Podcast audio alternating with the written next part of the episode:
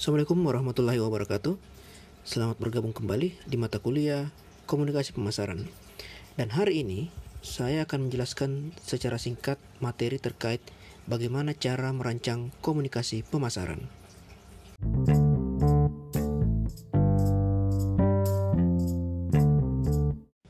Dalam merancang komunikasi pemasaran, terlebih dahulu kita harus mengetahui peran dari komunikasi pemasaran. Nah, secara definisi, komunikasi pemasaran atau marketing communication ini merupakan sarana di mana perusahaan berusaha menginformasikan, membujuk dan mengingatkan konsumen baik secara langsung maupun tidak langsung terkait produk atau merek yang ditawarkan oleh perusahaan. Nah, komunikasi pemasaran mempresentasikan suara dalam tanda kutip e, suara perusahaan dan mereknya serta merupakan sarana di mana perusahaan dapat membuat dialog dan membangun hubungan dengan konsumen. Sebelum merancang e, komunikasi pemasaran, maka terlebih dahulu kita harus mencari tahu ataupun memahami marketing communication mix atau biasa disebut dengan bauran komunikasi pemasaran. Nah, bauran komunikasi pemasaran ini merupakan kombinasi metode komunikasi pemasaran yang digunakan untuk mempromosikan produk-produk tertentu. Adapun komponen-komponen bauran komunikasi pemasaran antara lain yang pertama itu iklan, Iklan ini merupakan elemen penting dari komunikasi pemasaran. Ini mencakup semua pesan berbayar yang disampaikan melalui sejumlah media yang menjangkau audiens target. Ada banyak saluran iklan yang bisa dipilih. Sebagai contoh bisa menggunakan televisi, radio, majalah koran, papan iklan ataupun media online. Karena melibatkan sebagian besar pesan berbayar, maka biasanya iklan relatif mahal biayanya perusahaan biasanya mengalokasikan sejumlah besar anggaran untuk pemasaran iklan. Nah, walaupun biayanya mahal, pengiklan memiliki kendali penuh atas pesan yang dikirim. Selain itu, iklan juga merupakan salah satu cara efektif untuk menjangkau banyak orang. Yang kedua ada disebut dengan promosi penjualan. Ini digunakan untuk menarik respon pembeli dengan lebih cepat dan lebih kuat, dan juga untuk mendorong konsumen melakukan percobaan pembelian produk dan jasa.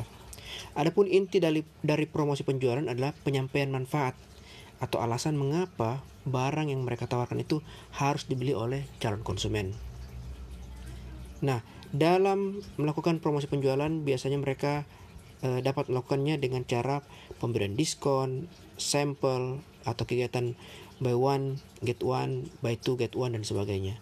Nah, tujuan dari promosi penjualan antara lain yang pertama itu meningkatkan uji coba atau pengulangan, pengulangan kembali. Kedua, peningkatan frekuensi dan kuantitas pembelian. Kemudian bisa digunakan untuk membangun database calon pembeli. Kita bisa melihat siapa-siapa sebenarnya yang bisa kita prospek untuk menjadi konsumen, bukan lagi masuk dalam kategori calon pembeli. Dan yang terakhir, untuk memperkuat brand image dan brand relationship. Yang ketiga, ada yang disebut dengan sponsorship. Secara umum, sponsorship biasanya berupa penyediaan sumber daya, baik itu orang, kemudian uang, peralatan, dan lain-lain dari suatu perusahaan untuk mendapatkan suatu manfaat. Tapi eh, yang biasa kita lihat di lapangan, yang paling banyak digunakan dalam sponsorship adalah pemberian bantuan dalam bentuk uang. Nah, dalam event sponsorship biasanya yang disajikan hanya nama merek perusahaan. Dampaknya, komunikasi yang terjadi relatif pasif karena tidak terbangun komunikasi dua arah antara e, perusahaan dengan pesan yang ingin disampaikan dengan konsumen. Nah, oleh karena itu, sponsorship biasanya dipadukan dengan e, bauran komunikasi pemasaran lainnya. Misalnya periklanan, humas, dan promosi. Yang keempat adalah hubungan masyarakat atau biasa kita kenal dengan public relation atau PR atau humas. Nah, hubungan masyarakat ini mengacu pada bidang yang melibatkan pengembangan hubungan yang baik dengan media dan publik. Jadi bagaimana caranya perusahaan membangun citra yang baik dengan e, sejumlah media dan masyarakat secara umum. Ini bisa berguna ketika perusahaan mencoba mengalihkan perhatian dari berita yang tidak menyenangkan atau dari isu-isu yang tidak menyenangkan terkait dengan perusahaan. Atau ketika perusahaan mencoba mempromosikan citra perusahaan agar lebih baik lagi. Hubungan masyarakat kadang-kadang agak mirip dengan periklanan karena sebagian besar ini melibatkan pesan yang disampaikan melalui media massa. Tapi perbedaan utamanya adalah bahwa perusahaan tidak membayar waktu atau ruang untuk pesan yang disampaikan. Yang terakhir dalam bauran komunikasi pemasaran ada pemasaran langsung atau e, biasa juga kita sebut dengan pemasaran personal atau penjualan personal. Dalam penjualan personal, perusahaan melakukan penjualan secara face to face dengan calon pembeli. Tujuannya adalah untuk memperkenalkan produk dan membentuk opini mengenai produk atau jasa yang ditawarkan kepada calon konsumen. Sehingga calon konsumen tersebut tertarik untuk mencoba dan akhirnya membeli. Penjualan personal biasanya dilakukan secara lisan dan memungkinkan terjadinya komunikasi dua arah antara penjual dan calon pembeli. Nah, dampaknya adalah penjual dapat langsung mengetahui respon dari calon pembeli. Setelah kita mengetahui apa saja bauran komunikasi pemasaran, maka langkah selanjutnya adalah bagaimana cara kita merancang komunikasi pemasaran. Dalam merancang komunikasi pemasaran ada tiga langkah yang bisa dilakukan. Yang pertama itu mengenali stimuli dan persepsi konsumen. Kemudian yang kedua mengembangkan komunikasi eh, komunikasi pemasaran yang efektif. Dan yang terakhir melakukan yang namanya stealth marketing. Nah, dalam eh, pengenalan stimuli pemasaran dan persepsi konsumen, ini bisa kita memberikan rangsangan kepada konsumen atau stimuli. Yang terbagi atas dua, ada disebut dengan stimuli primer dan ada yang disebut dengan stimuli sekunder. Stimuli primer itu biasanya mencakup e, mengenai kemasan produk, isi produk, kemudian ciri-ciri fisik produk, dan hal-hal yang berkaitan dengan produk itu sendiri. Sementara stimuli sekunder ini biasanya berupa komunikasi yang dirancang untuk mempengaruhi perilaku konsumen dalam bentuk kata-kata, gambar, image, ataupun stimuli lain yang ber, berkaitan dengan produk. Sebagai contoh misalnya harga, kemudian display toko, dan efek wiraniaga atau SPG. Nah, ciri-ciri stimulus yang mempengaruhi persepsi konsumen ada dua. Yang pertama, stimulus itu bisa mengandung yang namanya unsur indrawi. Unsur indrawi ini terdiri dari warna, bau, rasa, bunyi, raba. Intinya kita berbicara mengenai panca indera. Yang kedua, ada disebut dengan unsur struktural.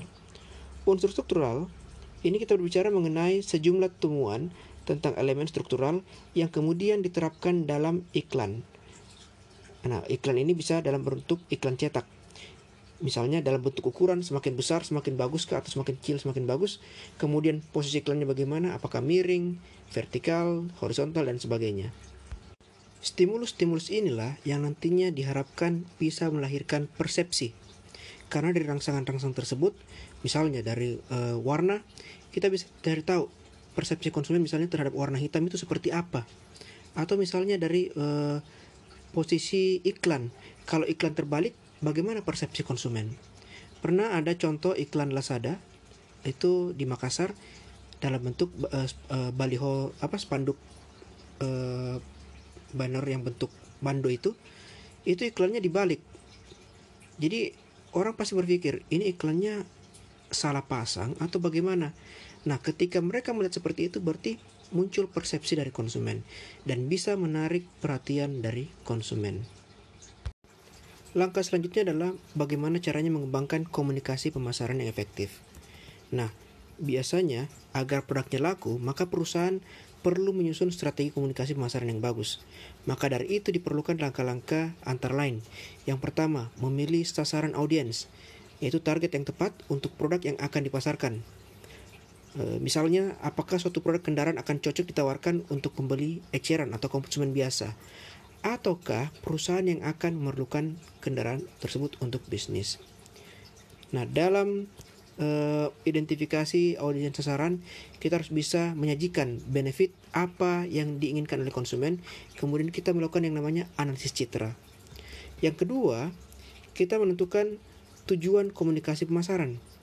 Misalnya, apakah suatu iklan dirancang untuk mendorong konsumen untuk berpikir, ataupun membujuk konsumen dengan halus, atau bahkan menyuruh uh, konsumen untuk langsung melakukan tindakan. Jadi harus dipilih jenis uh, tujuan komunikasi pasarnya untuk apa. Apakah untuk informasi, kemudian mengingatkan, ataupun untuk mempengaruhi ataupun membujuk konsumen. Yang ketiga, kita masuk pada tahap bagaimana cara merancang pesan. Misalnya, pesan jenis apakah yang bisa membuat konsumen tertarik untuk membeli? Bisa menarik perhatian dan langsung mendorong sikap konsumen untuk melakukan eksekusi melakukan kegiatan pembelian. Nah, dalam hal merancang pesan, kita harus memperhatikan yang namanya isi pesan. Apa yang ingin kita sampaikan kepada konsumen. Kemudian yang kedua, struktur pesan. Bagaimana step by step uh, dalam menyusun struktur pesan agar pesan yang diterima oleh konsumen itu bisa menarik. Yang ketiga, format pesan. Apa, uh, bagaimana mengatakan secara simbolis eh, pesan-pesan tersebut.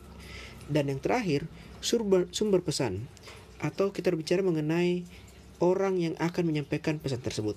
Tentunya orang yang akan menyampaikan pesan ini adalah seorang yang punya kredibilitas, punya pengalaman, dan sebagainya.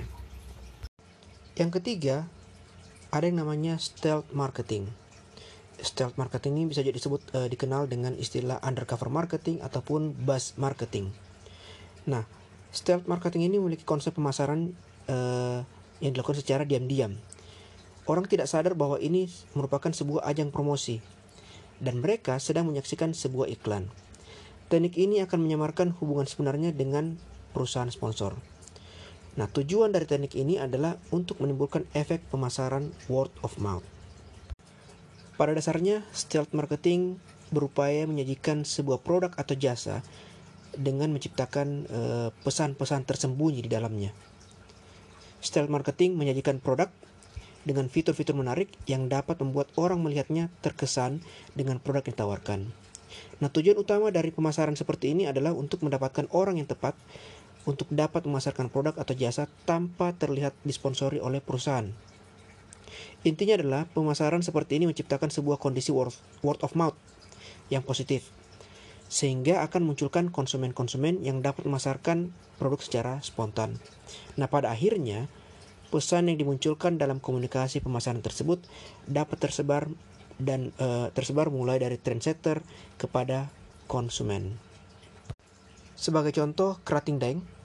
Ketika kerating, kerating daeng hendak dipasarkan di Inggris, uh, pemasar di sana dari perusahaan kerating daeng ini mengisi tong-tong sampah dekat bar dan pub dengan kaleng-kaleng kosong kerating daeng.